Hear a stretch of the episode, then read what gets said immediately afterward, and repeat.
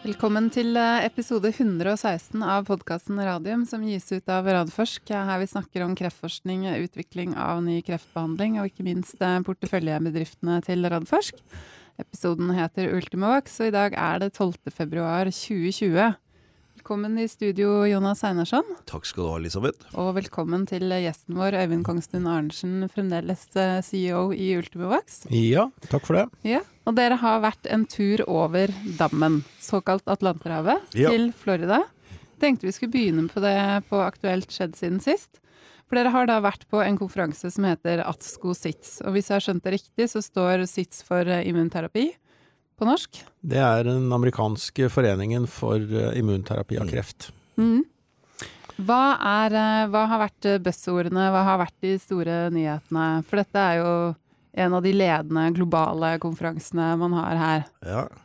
Eh, Øyvind kan si litt mer om det rent faglige der. Eh, Men det som er litt eh, sånn spesielt, er at denne heter jo Ascosits Clinical immunologikonferanse. Så det er da- de tingene som er i klinikk. Ja, i tidlig klinikkfase. Eh, og grunnen til at de starta den i 2017, det var at de mente at eh, immunterapi ikke fikk nok plass på de store internasjonale konferansene, som ASKO-konferansen. Og i året så meddelte jeg at dette ble det siste året denne konferansen ble holdt, fordi nå var eh, ASKO så eh, fokusert på immunologi og clinical ID at den hadde fått sin velfortjente plass. Det Ja. sier litt om utviklingen av feltet. Uh, så det, det, det syns jeg var litt det Jeg synes det er synd, for jeg syns det har vært en veldig god konferanse. Men samtidig så er det jo litt, litt hyggelig å høre da at den har fått så god plass. Men hva som var liksom litt sånn Ikke de store breaking news, men Øyvind kan kommentere litt på hva som var fokusområdene der.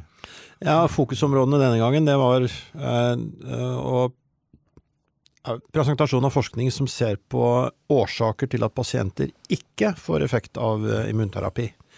Det er jo det som er eh, framtiden. Det er jo å prøve å få flere pasienter til å respondere på eh, immunterapi. Og det kom mye detaljer og litt sånn bedret forståelse, men som Jonas sa, det var ikke noen sånne store gjennombrudd. Det var langs de samme linjene. Man Mm. leter nå Uh, leter mye etter eh, trekk hos pasienten, ting man kan finne i blodprøver, ting man kan finne i, i eh, biopsier fra svulstene, som kan fortelle på forhånd om en pasient får effekt eller ikke får effekt. Men det er ingen som har liksom klart å finne enkeltfaktorer, sånn at man eh, kan forutsi det. Så vi er litt der vi er eh, for, for noen, år siden, at eh, vi vet mye om hvorfor pasienter får effekt av immunterapi, og så klarer vi ikke å, på forhånd å plukke ut hvem som ikke får det. Nei. Er det, er det noen grunn til at det er vanskelig? Er det, er det fordi det er kompleks eh, biologi, komple altså at immunsystemet er så komplisert? At det er så mange eh, hva skal man kalle det, faktorer som påvirker hverandre? Ja, jeg pleier å si det sånn at det er altså Tumorbiologi, kreftbiologi, er et ekstremt komplekst fagfelt. fagfelt. Det eneste jeg vet som er mer komplekst, det er immunologi. Og når de to møtes, så er det ikke lett å, å Da sånn, nærmer vi oss rakettforskning. Rakettforskning, ja, det kan du regne ut hvor en sånn rakett går hen. Så det, Vi er beyond, det er vel, det er vel noe av det, helt klart noe av det enklere her i verden. Og, ja, som, jeg er jo kirurg, da, så jeg kan si Folk sier jo hjernekirurg. Dette er ikke hjerne, altså, hjernekirurgi er den enkleste formen for kirurgi. Men, eh, men nei, spøk til side. Det er, eh, det er eh, Nei, man klarer ikke dette enda. Og, og liksom plukke, og det, hele poenget er jo også på forhånd plukke ut hvilke pasienter som ikke får effekt. Og man har ingen sånne helt klare markører. Eh, noe som er sånn på grensen til eh, fun fact, men som er veldig, veldig spennende område, det er at man vet nå at eh, om du får effekt av immunterapi, så er det hvis du har bestemte typer bakterier i tarmen. Ja, Så har du mye større sannsynlighet for å få effekt av eh, immunterapi enn hvis du ikke har de spesifikke bakteriene. bakteriene. Ja. Så det pågår nå kliniske studier hvor man tar eh, bæsj fra pasienter som har fått effekt av immunterapi, og flytter over i tarmen til pasienter eh, som får den samme immunterapien, i håp om at hvis man får de samme eh, bakteriestammene til å etablere seg i tarmen, så så vil de pasientene også få effekt. Mm. Det pågår kliniske studier med det nå. Ja, det, er, eh, det får større og større plass. Det heter microbioma, som de kaller det. Uh, og, og, det er veldig spennende. Uh, det vil jo ikke gi noe svaret, men, men det kan være en hjelp, hjelpe til med å finne ut hvem det, det, virker på. Og så er det dette som Øyvind sier med biomarkører. altså vi, En så tydelig biomarkør som vi trodde var med dette med PD1 og PDL-en, altså disse checkpoint-hemmerne, om de hadde uttrykt det eller ikke, så var det sånn til å begynne med at bare de som hadde mer enn 50% skulle ha medisinen, og de som hadde under, skulle ikke ha medisinen. Og så viste det seg at ja, jo høyere ekspresjon du har, jo bedre resultater får du. Men det er ikke lineært, og det henger ikke sammen, og det blir feil å bruke den markøren. Mm. Så den jobben med å finne disse biomarkørene, den er der. Men i tillegg til det, så er det jo også det at det at det ikke virker, er jo at det ikke har de rette T-cellene, og at ikke T-cellene er til stede i tumor. Og det var jo også fokusert på hvor nettopp Ultimovax jo er en av de som jobber med å gi pasientene de rette T-cellene i tillegg til checkpoint-hemmerne, og at det da skal øke antallet som får, som får effekt. Mm. Og så begynner man å tenke på er det andre enn annet enn bare T-celler man også kan hjelpe til å påvirke. Makrofager ble snakket en del om. NK-celler, disse natural killer cells. Og at vi bruker enda mer av immunsystemet. Men så er det med makrofager f.eks. så er det noen av Du må først fortelle hva det er. Det er ikke alle altså, Øyvind er flinkere enn meg på dette, men mak makrofager er også en del av hele immunsystemet, og som er celler som er med å regulere immunsystemet. Og, men det viser at i makrofager så er det noen typer makrofager som gjør at effekten blir bedre, og så er det noen makrofager som gjør at effekten blir dårligere. Okay. Og så er det igjen å forstå hvordan man kan forstå det. Det er, det er, ganske enkelt å forklare. Altså, makrofag betyr storspiser. Ja, er ikke det? Ja, ja. Jo, det er rett og slett det det betyr. Noe sånt nå. Og de, det er de som går ut og spiser opp uh, de, ting og uh, spiser opp ting som ikke skal være i kroppen. Også kreftceller. Mm. Nettopp. Men det er noen som er effektive og noen som er ineffektive? Litt sånn som folk flest, holdt jeg på å si? Ja, som storspisere flest. som storspisere flest. kan vi gå videre? jeg syns dette er jo kjempespennende. Men, eh, men, du hadde egentlig en fin eh, bro over til, eh, til Ultimovax, for dere var jo der for å presentere en poster på da fireårs overlevelsesdata fra kombinasjonsstudiet dere har gjort her på Radiumhospitalet med kreftvaksinen UV1 og sjekkpunkthemmerne ipilimumab og sjekkpunktemmeren i Publibab. Leser for fort i manuset her. Eh, vi skal ikke gå inn i dataene akkurat nå, jeg tenker vi kan vente litt med det. Men hva var responsen på, på posteren og interessen for dataene der borte? Ja, Den var veldig god. veldig, veldig god respons. Og for det første så fikk vi uh, mye kred for å ha kombinert med akkurat uh, eh, Ipilimumab. Og Det syns de var veldig spennende, og de syns også at uh, resultatene, det at vi viser at det med stor grad av sannsynlighet uh, øker responsen, og legge en vaksine på toppen av uh, det syns Det fikk, fikk vi mye kred for. Mm. Det, det var det.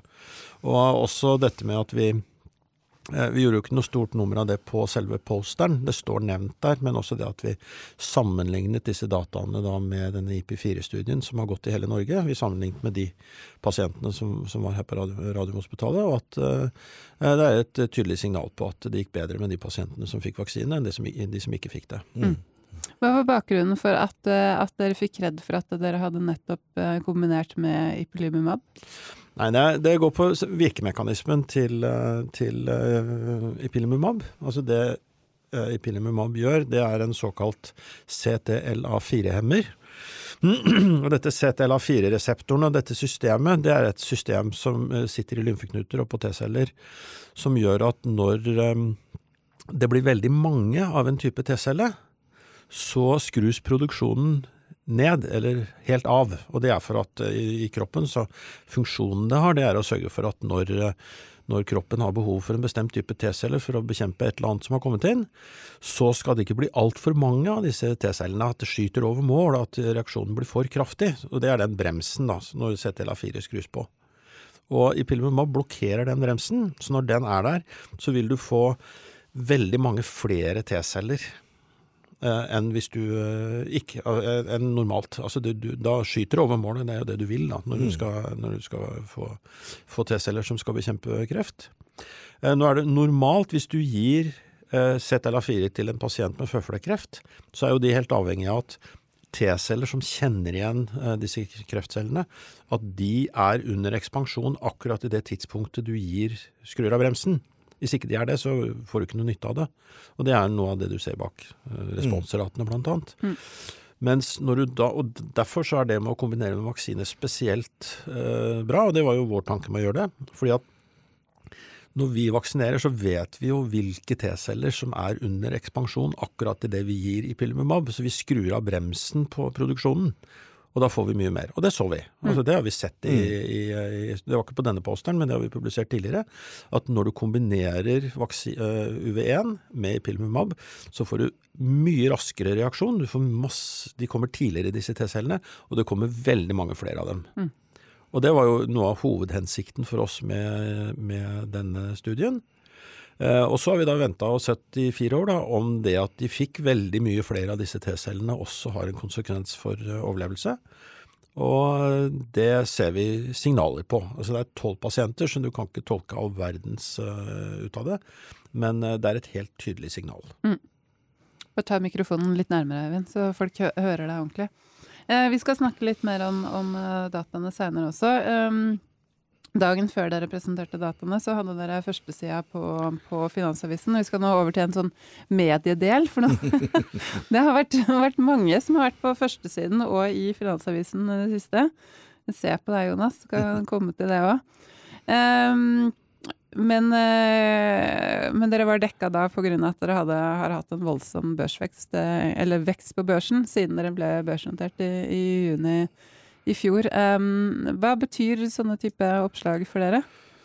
Eh, hva skal jeg si? Eh, mest ettertanke, tror jeg jeg vil si. Og det er det, er det at uh, vi har hatt en, en veldig stigning i verdien på aksjene våre. Og, sånn, og det har skjedd i en periode hvor vi ikke har kommet med noen nyheter.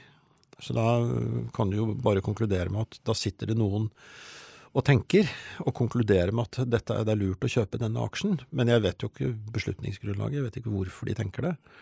Um, kan det ha noe med den generelle interessen for biotek å gjøre? Biotek har jo, Vi har jo snakka om dette her, at det altså, uh, har jo vært en generell opptur på biotek ja. siden uh, november 2019-ish. Altså, jeg, jeg, tror det, og jeg, jeg har også fått det spørsmålet. Uh, og der hvor kursen ligger sånn i, i dag, der, det er omtrent den, den, verdien på selskapet vi mente egentlig var riktig verdi på selskapet når vi gikk på børs. Ja. Eh, men da var det et svært vanskelig marked. Mm. Og da måtte vi gi en ganske stor rabatt fra den siste emisjonen vi hadde gjort før notering, for at markedet skulle være villig til å investere i oss med den så stort beløp som vi ønsket. Og når du nå sier vi og oss, så er det som styreleder i Ultimax? Ja, det, ja. det, det er det. det må, må, jeg må passe på å være det nå, hele, hele, hele denne sendingen. Men, men, men jeg syns bare det er naturlig at den kommer en korreksjon på det, når du ser en stigende interesse for bioteksektoren, og ser flere selskaper som leverer gode resultater, og at det da javner ut seg med at, at Ultmax nå regner, blir verdsatt til omtrent det samme som de andre tilsvarende selskaper på Oslo Børs, selv om eh, og det er eh, med Radforskatten på, selv om jeg mener fortsatt at den prisingen er altfor lav på alle disse selskapene som er i den kliniske fasen. Mm. Men det, det, er morsomt, for det her kan du snart diskutere med Paul Falk, som er analytiker i, i eh, Arctic Securities. For han har takka ja til å komme i podkasten, så vi bare jobber med å finne en dato. Ja, men Det er hyggelig. Det han... tror jeg kan bli en veldig morsom, eh, morsom episode. Ja, ja. Det, det, det, gjør det. Han har jo mhm. verdsatt et annet selskap uh, Vi kommer til det. Rel relativt høyt. Mm. Så bra. Hadde du noe å tilføye? Vi stiller spørsmål til deg også. Ja, ja. Nei, det er, det er, egentlig ikke det. Det er, jo, det, er jo, uh, det er jo spennende å følge utviklingen av verdien på aksjen, men nå er det jo poenget, et veldig viktig poeng for, for meg, det er jo at uh, det Ultimovax driver med, det er å utvikle vaksine. Mm.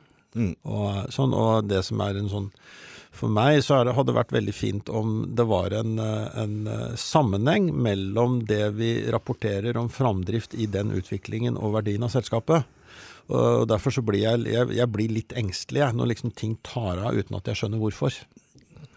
Men eh, da kan vi gå til neste forside på Finansavisen, som du hadde, hadde på lørdag bare fortelle en liten anekdote, for jeg visste jo at, du, at profilintervjuet skulle komme. Ja. Men det hadde jeg jo fullstendig glemt oppi sånn type hjemmelogistikk, hjemmelogistikk med innebandyturnering og sånt nå. Men da jeg sto på Deli de Luca på Ryen og holdt på med helt andre ting, så var det sånn Der så jeg deg på forsiden! det måtte jeg fortelle til han jeg skulle kjøpe pølser av. Um, du blir kalt uh, biotek-gudfar og, og børsens ukjente biotek-konge. Ja, det er voldsomt. Det er ikke helt ufortjent. Nei da, jeg, jeg skal ærlig, ærlig innrømme at jeg syns faktisk det ble en, eh, en veldig hyggelig uh, intervju og profil, og jeg syns journalisten tok meg sånn rimelig, rimelig godt på, på kornet. Uh, men jeg syns jo det blir litt, litt, litt, voldsomme begrep, da. Men jo, jeg har vel vært med å bidra til dette. Det, det kan vi vel si. Ja, For førstesiden vinkler jo da på at én million i lån fra Radiumhospitalet i sin tid nå gjennom din forvaltning, og så må vi nevne Anders Tuv, investeringsdirektør, har vokst til over én milliard i Altså aksjeverdi, da. Ja, i, i, verdi basert på siste emisjonskurs ja. eller siste noterte kurs for de noterte selskapene. Mm. Da har jeg et sånt Excel-ark som jeg sitter og leker med og, og ser på, på, dette. og det, det, det skal også sies at det fyker litt opp og ned òg, på de forskjellige. Men i og med at vi har en, en ganske bred portefølje, så, så, har vi hatt en for hele porteføljen så har vi hatt en veldig hyggelig utvikling. Mm. Eh, nå gjennom eh, ja, de siste tre årene, faktisk.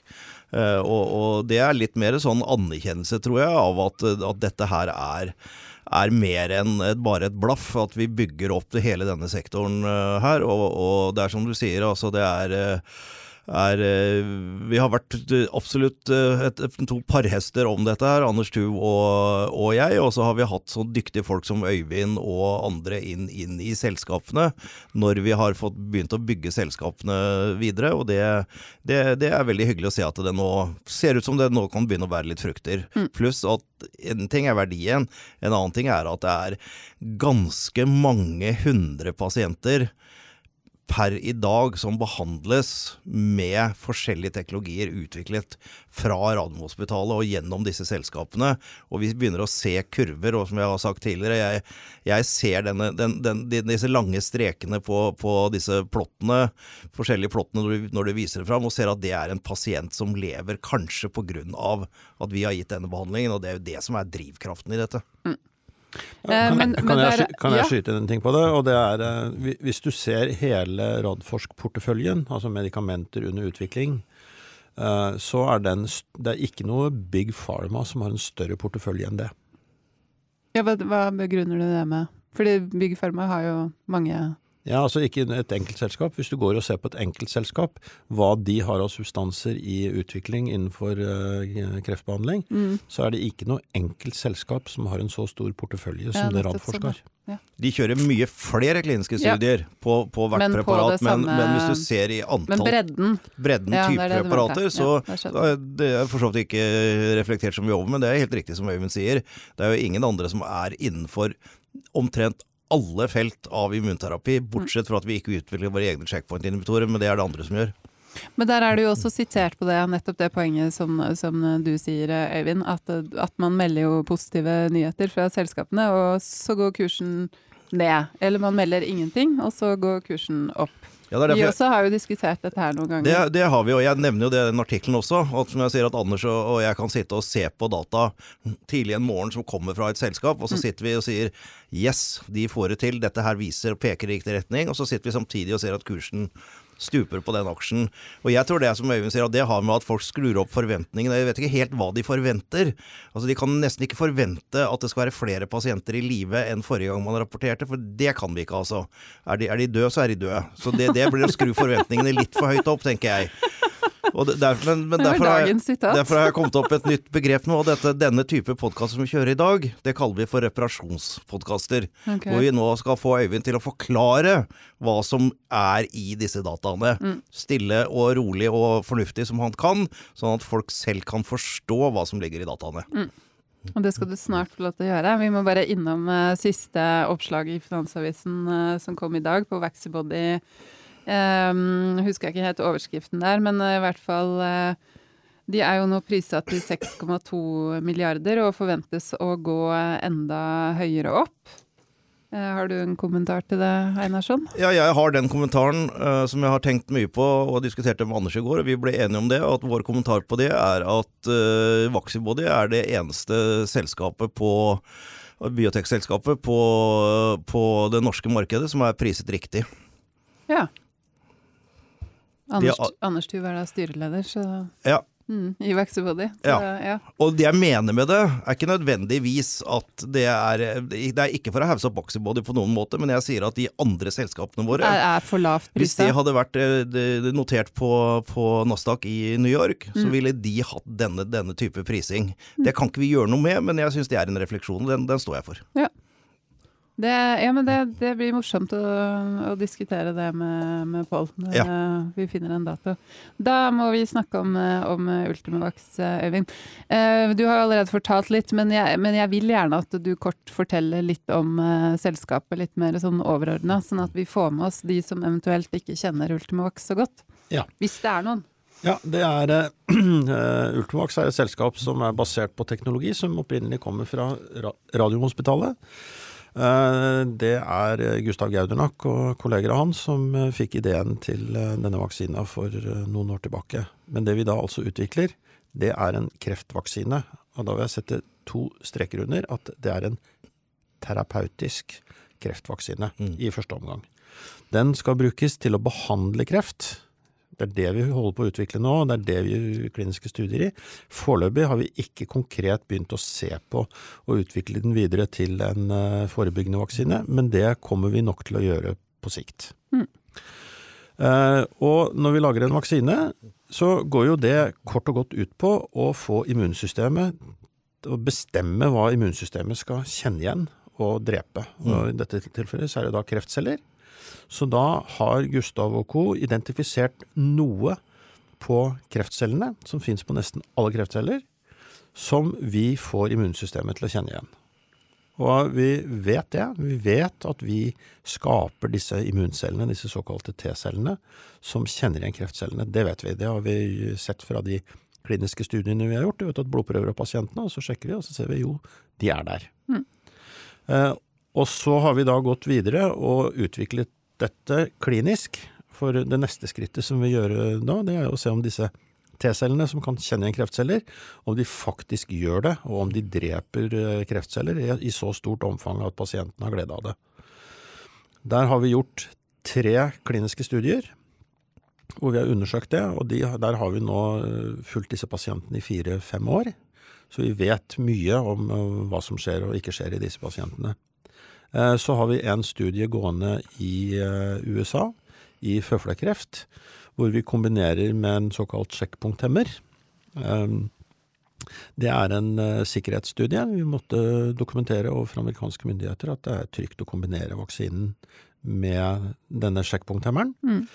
Og det er fordi at vi nå har finansiert, og vi kjører i gang med en stor randomisert klinisk studie i Europa og i eh, USA, og disse sikkerhetsdataene fra den, de fire studiene som vi, som vi har gjort til slutt, de, de eh, forteller at det er trygt å bruke vaksinen, og at vi kan gjøre disse kombinasjonene.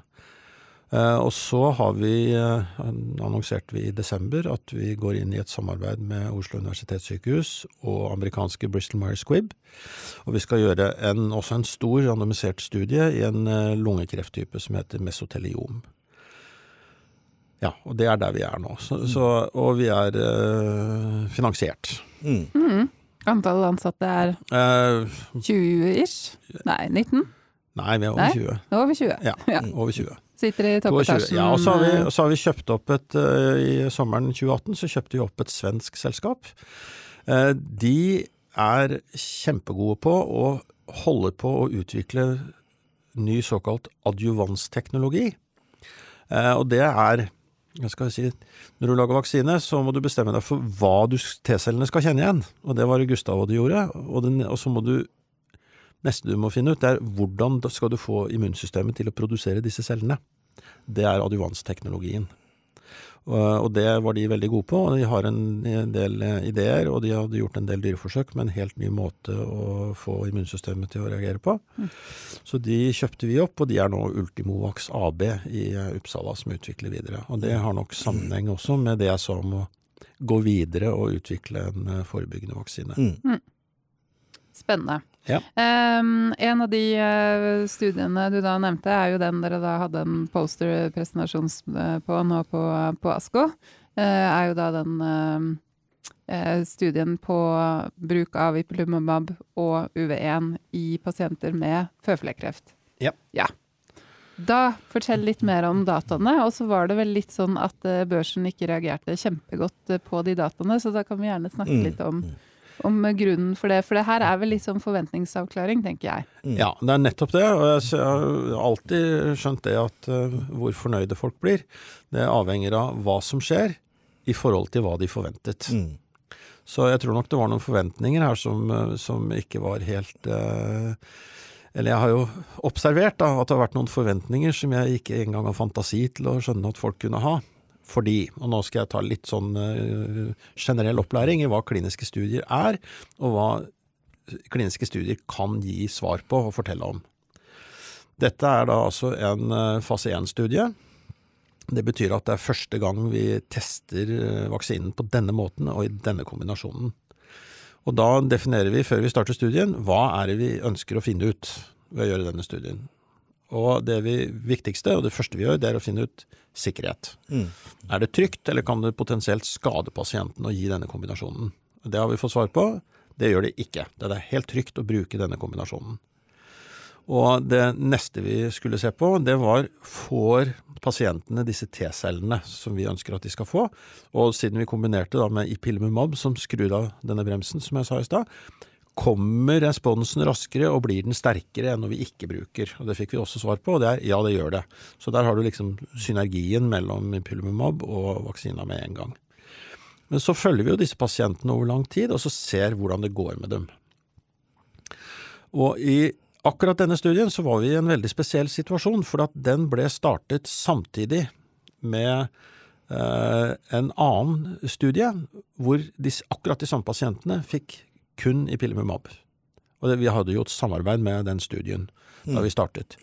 Og hensikten da, er at da kan du jo på sikt, eh, så kan du jo se om det er noe forskjell i hvordan det går med de som bare har fått i pilimumab, eller for å si det på en annen måte, om det ble noe bedre når du la, la vaksine på toppen av uh, ipilimumab. Mm. Du får en form for kontrollarm, Ja, selv om det ja, ikke er en ja, randomisert Den er ikke en randomisert studie, Nei. men som jeg pleier å si, men nærmere kommer du ikke. For Mm. dem- de ble laget, det er de samme som skrev protokollene.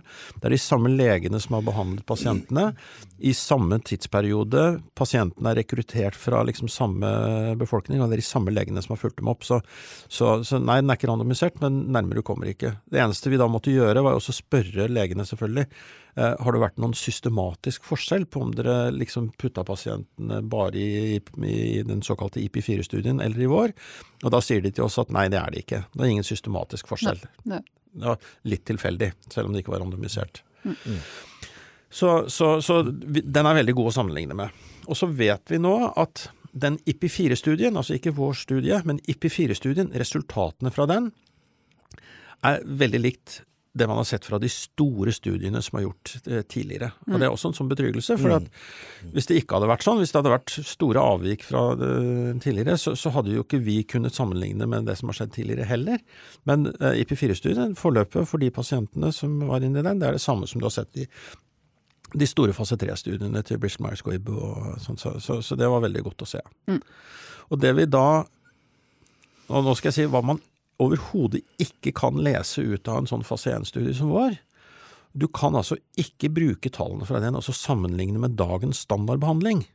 Det er rett og slett tøys. Mm. Det har ikke noe med hverandre å gjøre.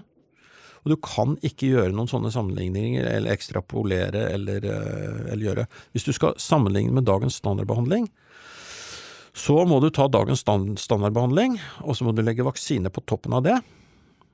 Og, det er for å det si det veldig kort, og det er nettopp det vi gjør i Mm. den store randomiserte fase 2-studien som vi starter nå. Mm. Ja. Og eh, en annen viktig grunn til at vi gjør akkurat det, det er at eh, Jeg liker ikke å si krystallkule, jeg pleier å si kikkert. når jeg Det er fordi du går på jakt, ja, tror når, jeg. jeg, når, jeg bruk, når, jeg bruker, når, når- når vi bruker kikkerten, så kommer den standardbehandlingen også til å være standardbehandling så lenge vår studie går. Og det er kjempeviktig. Mm. For hvis det kommer inn en annen standardbehandling, så må vi stoppe pasientinklusjonen i vår studie, for da er det uetisk å gi dem eh, dagens standardbehandling når det er kommet en ny. Men eh, det går bra. Det er vi Mm. ganske helt overbevist om at det, det, det går fint. Det kommer ikke noe nytt på det Men, området. men eh, jeg liker Resultatet. Ja. Jeg liker tall. Du liker, du liker tall. Journalisten i meg liker tall. Ja. I vår studie, altså med tolv pasienter, eh, fire år etterpå, så er seks av dem i live. Mm. Det er liksom hovedtallet. Det vil si 50% er i live. I IPI4-studien, hvor de da bare fikk ipilimumab og ingen vaksine, der er det 27,5% som er tallet for eh, overlevelse etter fire år. Mm. Ikke sant? Og så får du dette med at men tolv pasienter er ikke mange. Det var 71 i den uh, IP4-studien, og det setter en begrensning på hvor stor vekt du kan legge på resultatet. Mm. Så for oss så er det et signal om at vaksinen gjør noe bra for pasientene. Det gjør det mer sannsynlig at pasienten overlever enn hvis de ikke får vaksine. Men det er kun et signal. Men vi ser jo det signalet i sammenheng med de to andre studiene som vi Mm. også har. Og der er det minst like sterke signaler fra de også. I prostatakreftstudien vår så er da åtte av 22 menn helt kreftfrie fem år etterpå. Det er også et veldig sterkt signal. Mm. Sånn pleier det ikke å være øh, med, med disse pasientene. I lungekreftstudien, det var veldig syke lungekreftpasienter, så er 7 av 18 pasienter i live fire år etterpå. Det presenterte vi på en poster i november, som overhodet ikke hadde noen effekt på kursen, aksjekursen. Enda for meg så er det et like sterkt signal som det vi har nå. Ja, og det er jo flere poeng med Men den så er jo, så, så, så, er jo da For oss er jo Poenget er at vi ser jo disse tre studiene i sammenheng, og nå har vi gode kliniske signaler fra tre fase 1-studier. Og i mitt hode så betyr det at det er en god sannsynlighet for at vaksinen virker, men vi må dokumentere det gjennom å gjøre nettopp de studiene som vi nå starter opp. Mm. Da til eh, Jeg, jeg, jeg følger ikke så nøye med på aksjekursen eh, til selskapene som, som det du gjør, eh, Einarsson. Men, men det skjønte da at etter at den meldingen ble sendt ut på, på fredag forrige uke, så var det et dropp i markedet. Hva, hva, hva har da folk forventet? Nei, Har dere noen noe idé om det? nei, jeg har ikke det. fordi det er egentlig eh, ingen som har spurt meg noe særlig på forhånd om hva vi, vi forventet at eh, skulle komme. Og ikke det at jeg kunne svart noe særlig på det heller, for eh, jeg skulle ikke vite dataene jeg heller, i, Nei, nei. i detalj før, før de ble presentert. Mm. Så jeg, jeg sliter med å forstå hva man kunne forvente som skulle være bedre enn dette. Mm. Det, det, det har jeg store problemer med, med å forstå. Uh, og så er dette markedsdynamikk, og, og det er jo klart man man kan jo også her tenke seg at hvis man eh, skal prøve å være litt sånn stridsmart i, i dette markedet, og faktisk kjøper en del aksjer på forhånd når man vet det kommer nyheter, og pumper kursen ganske høyt i været, og så tar man en liten del av den posten, og så selger man den til en veldig lav pris når nyhetene kommer. Så sank jo aksjen noe voldsomt i, på veldig kort tid. Så kort tid jeg kan ikke skjønne at noen har hatt tid til å lese og sette seg inn i dataene i det hele tatt. Men kursen blir da superlav, og det utløser en masse stopplås og andre mekanismer i markedet, som gjør at du da raskt kan plukke til deg aksjer for en billig penge, mens de stiger oppover igjen til sånn nesten samme verdien. Eh, ren sånn børsspekulasjon fra min side, men, men det er noen mekanismer ute og går her som er langt utover det som er, kan tilskrives dataen og forståelse av dataene. Det er vel litt med det vi har snakket om tidligere, at det virker som det er en god del som trader mye de aksjene her Ja. for, å, for å tjene litt, eh, litt eh, kjappe penger. Mm, rett og slett. Men Jeg kan bare si det da, skyte inn at uh, derfor så er det veldig viktig at uh, jeg og andre i tilsvarende selskaper som er i min posisjon, at vi uh, på å si uh, registrerer hva som skjer, uh, og så er vi ferdig med det. Ja. Vi, Ja. ut, vi utvikler vaksine. Mm. Men jeg bare legge til også der, fordi det er veldig, veldig mange som, som uh, handler på børsen, som hører på oss. Uh, og, og, det er at vi diskuterte det, for både Øyvind og jeg var jo til stede, altså både CEO og styreleder i, i Orlando. Og så vurderer vi når vi, det er riktig å slippe meldingen med dataene.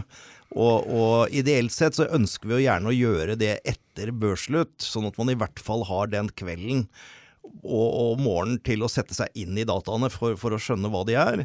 Eh, og så har vi fått spørsmål om hvorfor i all verden slapp dere den da midt i åpningstiden. Og svaret på det er rett og slett at da åpnet de dørene borti Orlando inn til posterrommet, og da var de dataene allment tilgjengelige. Og da, da, ville vi gjort noe ja. helt feil i forhold til børsreglementet. Om ja. vi ikke Øyvind da det minuttet ringer og sier at nå skal meldingen gå. Så mm. det er sånn det må gjøres. Ja. Det er en timing i forhold til når, ja. når, folk skal ha den informasjonen tilgjengelig. Den skal være tilgjengelig for alle samtidig. Vi, det er kort og godt ikke vi som bestemmer tidspunktet, det er Kongressen. Ja. ja. ikke sant. Mm. Sånn er det. Eh, men den, den børs... De aksjekursene kommer til å gå, fortsette å gå på ned, som du sier, så da Ja. Ja. Sånn, sånn, er det bare. Det er i hvert fall sikkert. det er jo et sånt sitat vi ikke trenger å ta med oss fra i dag. en ren selvfølgelighet. Men um, da syns jeg vi må snakke litt om den fase to-studien som du har referert til noen ganger. Dere kaller den proof of concept-studie. Kan, kan, vi kalle den registreringsstudie også? Jeg kan si, uh, spinne litt videre på det jeg begynte med å si nå om i stad. Jeg sa mm. noe om hva man kan uh, lese ut av en uh, fase 1-studie. Og det, det, er jo der vi er nå. Nå har vi lest ut fra våre fase 1-studier. Og vi har så sterke signaler at vi syns det er forsvarlig å hente inn så mye penger som vi gjorde da vi gikk på børs, og, og undersøke om vaksinen virker. Altså om den har klinisk effekt, om pasientene faktisk får nytte av den. Og det vil fase to-studiene våre, det vil de gi svar på. Det, det, det, vil de, og vi har satt litt tøffe krav. Så når de studiene er ferdig, og vi leser ut resultatene, så vil vi kunne si ja, denne vaksinen den uh, har klinisk effekt på, uh, hos uh, pasientene. Det myndighetene krever, når de skal sånn, Det er egentlig bare to ting. Det er er vaksinen trygg å bruke, og har den klinisk effekt? Det er spørsmålet deres, og det må du da ha svart på med stor grad av tyngde. Og på å si hvor stor grad av tyngde er veldig sånn tydelig og skarpt definert, så det bygger du inn når du designer studien, at du vet at denne studien kan gi det svaret. Og de studiene som vi gjør, kan gi det svaret. Mm. Det, det, er det. Mm. Eh, så registrerte jeg nå da at det var veldig mange som liksom begynte å sammenligne resultatene fra vår fase 1-studie med hvor mye bedre eller er dette i forhold til dagens behandling. Ja, det, er, det, skal, ja, det, er, det, er, det vi sammenligner med. IPO-nivå, ikke sant? Nivå, ja. ja. Men du kan si generelt, så er myndighetene krever ikke noe svar på det for å godkjenne medikamentet, hvor mye bedre du er enn dagens behandling. Du trenger bare å vite at det virker, og at det er trygt. Det er alt. Det med hvor mye bedre det er enn dagens behandling, det er et spørsmål som har med om du kommer på markedet eller ikke. Altså vil sykehusene ta dette i bruk? Mm. Da, er, da er medikamentet godkjent. Men så begynner jo da klinikerne og sykehusene og i Norge Beslutningsforum å vurdere skal vi bruke dette. Og sånn, og Da kommer det pris, og så kommer det hvor mye bedre er du enn uh, dagens behandling, og hvor godt er det dokumentert? Mm. Sånn. Men det er neste skritt. Mm. Det er neste skritt. Og, så hvis du spør om registreringsstudiet, eh, så vil jeg si at ja, studiene har potensialet i seg til at vaksinen kan bli registrert hvis disse én eller flere av disse studiene er eh, positive. Mm.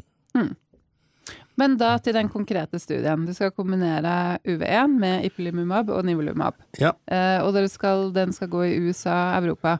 Eh, hva kommer dere til å guide på, for dere har vel allerede guidet på at den skal starte nå i 2020? Ja, mm. eh, vi skal ha første pasient inne nå, i løpet av første kvartal. Mm. Og, og, det er det dere guider på? Ja. ja. Mm. Det er det. Ja. Uh, og vi kan jo si det at forberedelse og fram... Det er jo et uh, svært apparat som settes i gang. Det er virkelig stort. Det er, det er ikke få mennesker som er involvert i, i, dette. Men alle forberedelser og alt, det går på skinner. Så bra. Mm.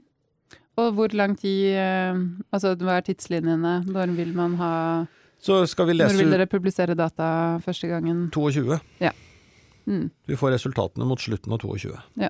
så det er, eh, for å si det kort, det, dette er sånn vi har sagt hele tiden når vi har snakket om denne studien, eller fra Mm. vi bestemte oss for å gjøre den. Og sånn så er det, det, det har gått helt fint. Det Ja. går helt bra. Og det blir ikke noe, det blir ikke noe dataslipp i mellomtiden her, så det, fra nå når vi starter, så nei. er det til slutten Nei, det, av det- 22. Ja, og det, det, det har faktisk med noe jeg sa i stad, og det har med eh, Du har sånne interimanalyser som du som kan gjøre, og som veldig mange gjør. Og, og sånn. Det er ikke lurt å gjøre interimanalyser når du skal gjøre en studie som du potensielt skal bruke til å registrere medikamentet.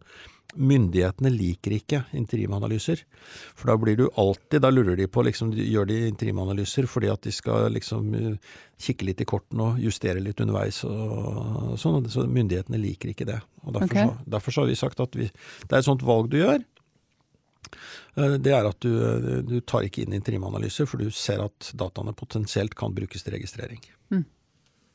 Men, eh, da må jeg spørre deg om noe, for vi har et annet selskap, SI Biotech, som nettopp har en interimanalyse inne i sin registreringsstudie. Har jeg- Jo, men det er forskjellig hvordan studiene er designa, og ikke minst hvordan det går med, med pasientene, og hva du sammenligner med. Mm. og hvis du har noe du tror virkelig kan vise tidlig at her er det en stor forskjell, og det er pasienter som er så dårlige at de som får det som er standardbehandling nå, de er vi temmelig sikre på at dør veldig raskt.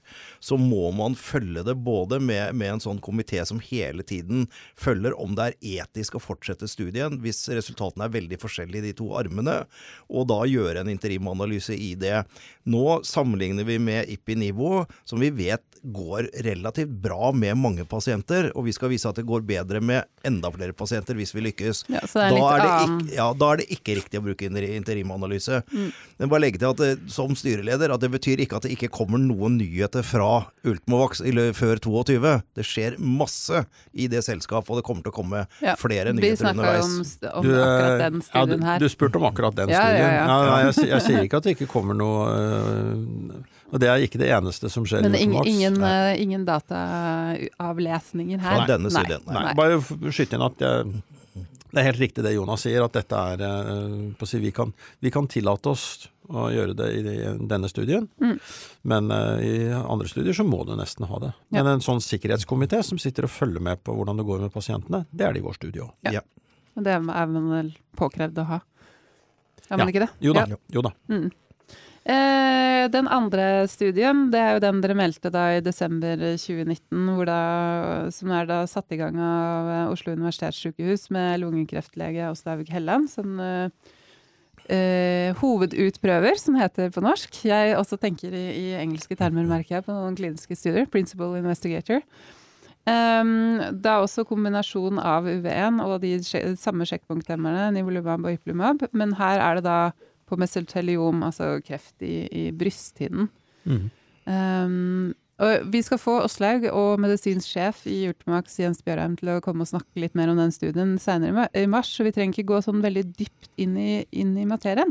Men um, dette er jo en litt annerledes studie, for det, her er det jo OUS, altså Oslo universitetssykehus, som, som setter i gang med den. Um, det tenker jeg kan være litt interessant for lytterne våre, å høre forskjell på studier som dere som selskap Ultimax setter i gang, og som andre setter i gang. Ja. Uh, og det viktigste poenget der er jo egentlig liksom litt sånn initiativet. Altså hvor, hvor kommer det fra? Uh, den uh, eh, Initium-studien, som vi kaller den, denne, denne med, som vi snakket om nå i sted, det er jo helt og holdent vårt initiativ. Vi har tenkt ut at dette er lurt å gjøre for å utvikle vaksinen, for å dokumentere vaksinen. Sånn. Eh, Den studien som du snakker om nå, den kaller vi for NIPU-studien. Der er det sånn at vi er jo ute og snakker med fagfolk, og vi snakker med andre selskaper og sånn, på kongresser og ellers. Og så hender det da at det dukker opp ideer om lure ting man kan gjøre. Og sånn er det denne gangen, at nå er det Åslaug Helland som har tenkt at det må være fint å kombinere disse to sjekkpunkthemmerne til eh, Bristol Myers Squibb med vår vaksine. Og det er et veldig sånn attraktiv måte. Så disk, blir det diskutert med oss, og så di- diskutert med Bristol Myers Squibb, og sånn, og så blir man enig om at ja, den her er et godt rasjonale for å gjøre, og det må vi teste. Men vi tar ikke liksom fullt såkalt sponsoransvar for studien. Den ligger fortsatt hos eh, Universitetet i Oslo. Det er de som skal gjennomføre studiene, og det er de som skal gjøre det og sånn. Så vi, vi stiller med vår kompetanse og vår vaksine. Og så gjør Bristol Myers Squibb det samme. Eh, og stiller med, med de to medikamentene, og, og, og, så lager man en studie ut av det. Mm. Det det gjør, er at eh, rent teknisk så har um, dataene en litt annen kvalitet, for det er ekstremt rigide systemer rundt datakontroll og, og sånn når vi er sponsor for en studie, sånn som denne Initium-studien. Det er ikke så strenge krav på universitet og akademi så, som det er. Så, så, det er litt grann forskjell i det, men, men eh, for å si, si, noe om denne behandlingen er fornuftig å gi til mesoteliompasienter, det har dataene absolutt kvalitet og mm. styrke til å si noe om. Så det er en uh, veldig verdifull studie å gjøre. Mm. Og så kommer den andre verdidelen av det for oss. da, Det er jo at når vi går inn i denne typen samarbeid, så har vi jo et samarbeid med Bristol Myers Squibb. Uh, og de går jo da i dybden på vår teknologi. For, for, de må jo si om de syns det er et godt rasjonale å kombinere det de har med vår uh, vaksine. Så da får du denne evalueringen fra British Medical School hvor de sier at ja, det kan være fornuftig. Mm. mm. Og det er en svært god validering å ha med seg. Mm. Men, vel... men, hva kommer ut av sånne type forskerinitierte studier? Um, vil det da bli tatt inn i retningslinjer når UV1 altså da blir markedsgodkjent hvis det er positive data? Jeg har med et hvis her, altså. Ja, det er ingenting for gitt? Ja. ja. det er, er, det sånn det fungerer? Det er utgangspunktet til Åslaug Helland, er jo å prøve å, å, å, lage en ny og bedre behandling for disse pasientene som ikke har noe veldig god behandling fra før. Og det er klart at hvis hun, denne studien her, og den, det sørger vi jo for at den har, at den har potensial til å kunne bli, eh, bli til en ny behandling, og det er jo hele poenget med å gjøre den. Mm. Ja, så, så, så vil det bli sånn som du sier. Så er det en tredje parten, Gitt resultatene. Ja, og tredjeparten er jo VMS som da sier at denne studien vil vi være med på, og gjør denne evalueringen som, eh, som Øyvind sier. Og det er klart at i, i dag så er ikke meseliom en indikasjon for deres medikamenter. Og hvis dette lykkes, så kan det åpne en ny indikasjon for Bristol Myers Squibb. Så derfor er de interessert i å være med på og, bidra i en sånn studie. Mm. Tidslinjene her? Veldig... Samme. 22. Ja. Mm. Men eh, data her, det er det jo da altså Oslo universitetssykehus som eier og som styrer når de publiserer. Ja, ja. det er det. Mm. De styrer det, men det er selvfølgelig en del av den avtalen vi har laget eh, med Oslo universitetssykehus. er jo, Og vi stiller med medikament, så må vi også ha rett til å bruke dataene når studien er over. Mm. mm. Så det er, det er, en sånn standardavtale som vi, mm. som vi inngår. Mm. Eh, og så bare slo det meg når jeg gjorde litt eh, research eh, til den podkasten her, jeg satt og kikka litt på tredje kvartalsrapporten deres fra 2019, at eh, i den kliniske pipelinen så har dere noe som heter UV2 eh, slash tett. Eh, det blir mange forkortelser og, og og sånt noe, Men teknologi som da skal bevege seg inn i en klinisk fase i 2020, hva, hva er det? Eh, det er det jeg snakket om i stad, det er denne adjuvansteknologien. Eh, og det kommer da fra det svenske selskapet som vi kjøpte opp, og som nå er en, et datterselskap av, eh, av Ultimovax. Jeg kan kort forklare hva det går ut på. Som jeg sa, så dreier dette seg om Vi vet hva vi vil at immunsystemet skal reagere på, og det er disse tre peptidene som vi har i vaksinen. Eh, og det neste skrittet det er da også å skjønne hvordan skal du få immunsystemet til å reagere på det. Nå bruker vi eh, to ting. Det ene er at vi vet nøyaktig hvor i kroppen vi skal plassere disse peptidene for at immunsystemet skal reagere på dem, og det er i huden. Og så må vi bruke en adjuvans. Og nå bruker vi noe som heter GMCSF. Det er et sånt stoff som hisser opp immunceller. Så det sprøyter vi da inn i huden først, og så venter vi et kvarter, og så setter vi peptidene etterpå. Og da er liksom For da veit du at immuncellene er Da er de aktive og pri prima og gira og står og venter på at det skal komme noe de kan fange opp. Mm. og sånn. Så det, det, er den teknologien som vi bruker nå, og som virker bra. Den, eh, vi får jo sånn 80-90% av pasientene får jo disse T-cellene, så det, det, det funker. Men det er det er litt plundrete i bruk, eh, og det er flere sånne sider. Blant annet så er det vaksinen blir liksom reelt to medikamenter. Det er både peptidene og den andre, så det er litt sånn Det er mye bedre å ha alt som ett molekyl. Og det er den eh, tett, UV2. Eh, Jeg kan få, kort, kort forklare hvordan det virker, for det er egentlig ganske enkelt å skjønne. Eh, Det tar utgangspunkt i kunnskap om noe immunsystemet alltid reagerer kraftig på. Og det er det du er vaksinert mot. Da vet du at eh, hvis det kommer en stivkrampebakterie inn i kroppen hos når du er stivkrampevaksinert, så vil immunsystemet ta knekken på det med en gang, så du knapt merker at bakteriene Så det er voldsomme responser på det du tidligere er vaksinert mot. Så det Sara Mangsbo da, borte i Uppsala gjorde for noen år tilbake, var at hun fant ut nøyaktig hva det er på en stivkrampebakterie som immunsystemet kjenner igjen. Den kjenner ikke igjen hele bakterien, den kjenner bare igjen en bitte liten bit av den. Eh, og så tok hun den bitte lille biten og isolerte den. Og så tok hun tre sånne små biter, og så laga hun noe som ser ut som en propell, hvor det sitter en sånn bit ute på enden av hvert rotorblad. Og i midten så sitter det en aksling, og på den akslingen så kan du koble på hva du vil. Og for oss da så kan du ta for eksempel, vi kan jo koble på de tre peptidene som er i UV1 nå, og da er det ett molekyl med en sånn propell med disse tetanusbitene ute på tuppen av rotoren og de tre UV1-peptidene i midten. Når du sprøyter det inn i en person som er stivkrampevaksinert, så oppfatter immunsystemet til kroppen at nå har det kommet angrep fra en stivkrampebakterie, og så kommer det en voldsom reaksjon. Og det, det som da blir produsert, ja, det er T-celler som kjenner igjen peptidene våre. Ja, for du lurer på en måte systemet. Ja, du lurer systemet. Fordi du har med en, på en måte en Ja, pakke sier- du- med de ja, du- du- peptidene Ja, det blir en sånn trojansk hest. Ja. Ikke sant? Mm. Du, du, hvor, hvor immunsystemet tror at her kommer det stivkrampebakterier, Og så er det egentlig og så er det egentlig våre noe som våre, kan gjenkjenne Ja. eh, de fleste kreftcellene. og nå, nå bruker jeg bare UV1-peptidene som eksempel. Det er ikke Mm. gitt. Vi er litt i tenkeboksen på hvordan vi kan gjøre dette. Men det er et sånt øh, så Dette er et sånt Lego-system, så du kan koble dette sammen akkurat som du vil. og Du kan bruke alle mulige andre peptider og sånn.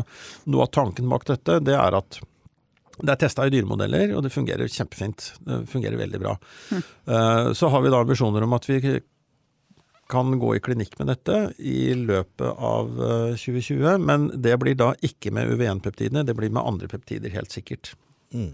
Det er fordi uh, Sara og gjengen borte i Uppsala de hadde utviklet dette ganske langt, så de hadde allerede noen andre peptider som de hadde testa. Men Så det er mulig at vi tester systemet med de peptidene. Men det er ikke, vi har ikke tatt noen 100% avgjørelse på det ennå. Men det kommer. Men dette er jo da liksom starten på en tanke på å kunne lage en forebyggende vaksine. Veldig, veldig spennende. Jeg ser på klokka, vi prater oss bort, som vi alltid gjør det, Mm. i det rommet her. Vi må gå inn for landing med noen spørsmål fra, fra en lytter. Um, jobbes det med å inngå avtaler med partnere på andre potensielle studier? Kan man si noe om når man eventuelt kan forvente at disse materialiserer seg? Det er et spørsmål som jeg ikke kan svare på. Det regner jeg med. Man må stille det likevel. Det er eh, sånn jeg sier, det, det, det er eh, Nei. Børssensitiv informasjon. Ja, det er, jo, Ja. det er jo børssensitiv informasjon, og, og, og så er det jo sånn at uansett hva man sier, så, så blir jo det tolket i hytt og gevær. Så, så, så derfor så må vi si ingenting. Mm. Og så spørsmål nummer to er uh, Ultimovax er alltid svært nøktern i sin kommunikasjon, men potensialet i aksjen er slik jeg ser det svært stort. Så må aksjonærene vurdere hvor sannsynlig de tror det er at produktet kommer i markedet. Men kan dere være litt, litt mer konkrete på markedspotensialet? Ja, det er jo også et eh, det, det kan jeg svare på, men det er jo ekstremt vanskelig å svare på. Eh, og jeg tror jeg egentlig bare vil kommunisere hvordan jeg tenker, og litt sånn basert på hvordan jeg ser analytikerne tenker. Sånn. Uh, og så er det jo blitt sånn da, i vår digitaliserte verden at, uh, at hvis ikke du kan uh, sette tall på noe, så er verdien null. Og det er jo feil. Ikke sant? For at potensialet for Ultimax er veldig stort. Og det, det er ganske lett å forstå, for vi utvikler en vaksine som kan brukes til å potensielt, og i teorien kan potensielt brukes til å behandle de aller fleste kreftformer. Og den kan kombineres med alle sjekkpunkthemmere. Og det er rett og slett fordi at det sjekkpunkthemmerne gjør, det er jo å ta bort kreftens evne til å beskytte seg mot angrep fra immunsystemet. Det ikke sant? Man tar vekk det. Mens det vi gjør med vaksinen, er jo på den andre siden. Så vi får fart på immunsystemet. Vi aktiverer, vi skaper nye T-celler som kroppen ikke har sett før og ikke hatt før. Og det er, en, det er, et, det er et meget stort potensial. Så potensialet er egentlig, hvis du sier sjekkpunkthemmere som gruppe og klasse, eh, hva det har av potensial, så har UV1 nokså nøyaktig det samme potensialet. Mm. Så har vi da måttet velge noen kreftformer som vi tester dette ut i. Ikke sant? Og da har vi jo da testet nå i de tre første, som er malignt melanom, prostatakreft og ikke-småcellet lungekreft. Og så kommer jo da den fjerde i mesoteliom. Og det er jo selvfølgelig helt bevisst at vi bredder oss ut i krefttyper for nettopp å vise at eh, vaksinen er universell. Mm. Går det an å tallfeste dette på noen måte? Nei, Markedspotensialet? eh, det, det, det blir sånn litt sånn eh? Ja, så blir det litt håpløst store tall, egentlig, å ta inn over seg. Men jeg syns man kan regne litt selv og, og følge det resonnementet til Øyvind. At der hvor man kan bruke checkpoint-hemmere, hvis dette viser seg at den kombinasjonen er riktig, så kan man også bruke UV1. Og så kan man begynne å regne på helseøkonomi, bærekraft i eh, at det kommer enda flere medisiner som vil de da kunne ha samme prisen som det er i dag, eller ikke? Hva vil betalingsvilligheten være? Ja, hvis det virker, så viser det seg at betalingsvilligheten er stor, men det å begynne å sette tall på det, syns jeg er veldig vanskelig. Men det er, potensialet er enormt hvis det lykkes. Så jeg vil skyte inn en ting til også, uh, som, har, som har med det samme å gjøre, og det er at uh, uh, UV1 er veldig enkel å bruke. Det er akkurat som å sette en helt vanlig vaksine. Den krever ikke noe infrastruktur på sykehusene, krever ikke noe gensekvensering. Det er kjempeenkelt å bruke. Eh, og det Er den at billig å produsere også? Ja, Mm. det er det. Det er, det er syntetiske peptider. Så det er, det er standard å gjøre, og vi har jo allerede satt opp eh, Vi har allerede laget prosessen for å produsere i kommersiell skala, så vi kan i prinsippet produsere så mye vaksine som trengs, uten noen begrensninger. Så bra. Så det er lav terskel for å ta den i bruk i helsevesenet. Det vil Ja. det være. Ja. Mm. Ja, for det er jo alltid en, alltid en diskusjon hvis metoden er for komplisert. For de som skal eh, ta den i bruk, og også når eh, produksjonen er, er vanskelig. Eh, Da tror jeg vi skal si eh, takk for i dag. Eh, neste uke er det vinterferie, Mhm. så da er det ikke noe podkast. For da er eh, de kjære elevene våre som produserer, de, de er ikke tilgjengelige. Men uka etter det da er det både kvartalspresentasjoner fra PCI Biotech, som vi skal få i studio, og Photocure, som har. Så vidt jeg husker i hodet mitt. Og så må jeg huske å nevne at dere har jo kvartalspresentasjon på fredag 14. Ja da, det har vi. Sjøl- Sjølveste valentinsdagen. Det hadde jeg ikke tenkt på. Har jeg ikke tenkt på Det har jeg ikke tenkt på. Jo, jeg hadde, jeg har faktisk tenkt på det. Så da, da. til alle, alle aksjonærer som dukker opp på Thon hotell Vika klokka ni, Ja. da får de en Får de noe spesielt? Ja, det gjør de. Ja. Det, det gjør de. Ja, får en ja, da, kvartalspresentasjon. med, ja, med kjærlighet. Og der er, det, der er det i den, så det kan jeg reklamere for. Det, Ja. Der har jeg, jeg skriver en sånn CEO-corner. Nettopp. Og eh, temaet denne gangen det er universalitet. Altså hvordan sier vi, og hva er eh, konsekvensen av at eh, UV1 er en universell vaksine. Og de som ikke kan komme fysisk, de kan da føle kjærligheten gjennom webcasten. For det skal dere ha. Ja, vi skal prøve å formidle det den veien. Det er bra. Takk for oss. Ja.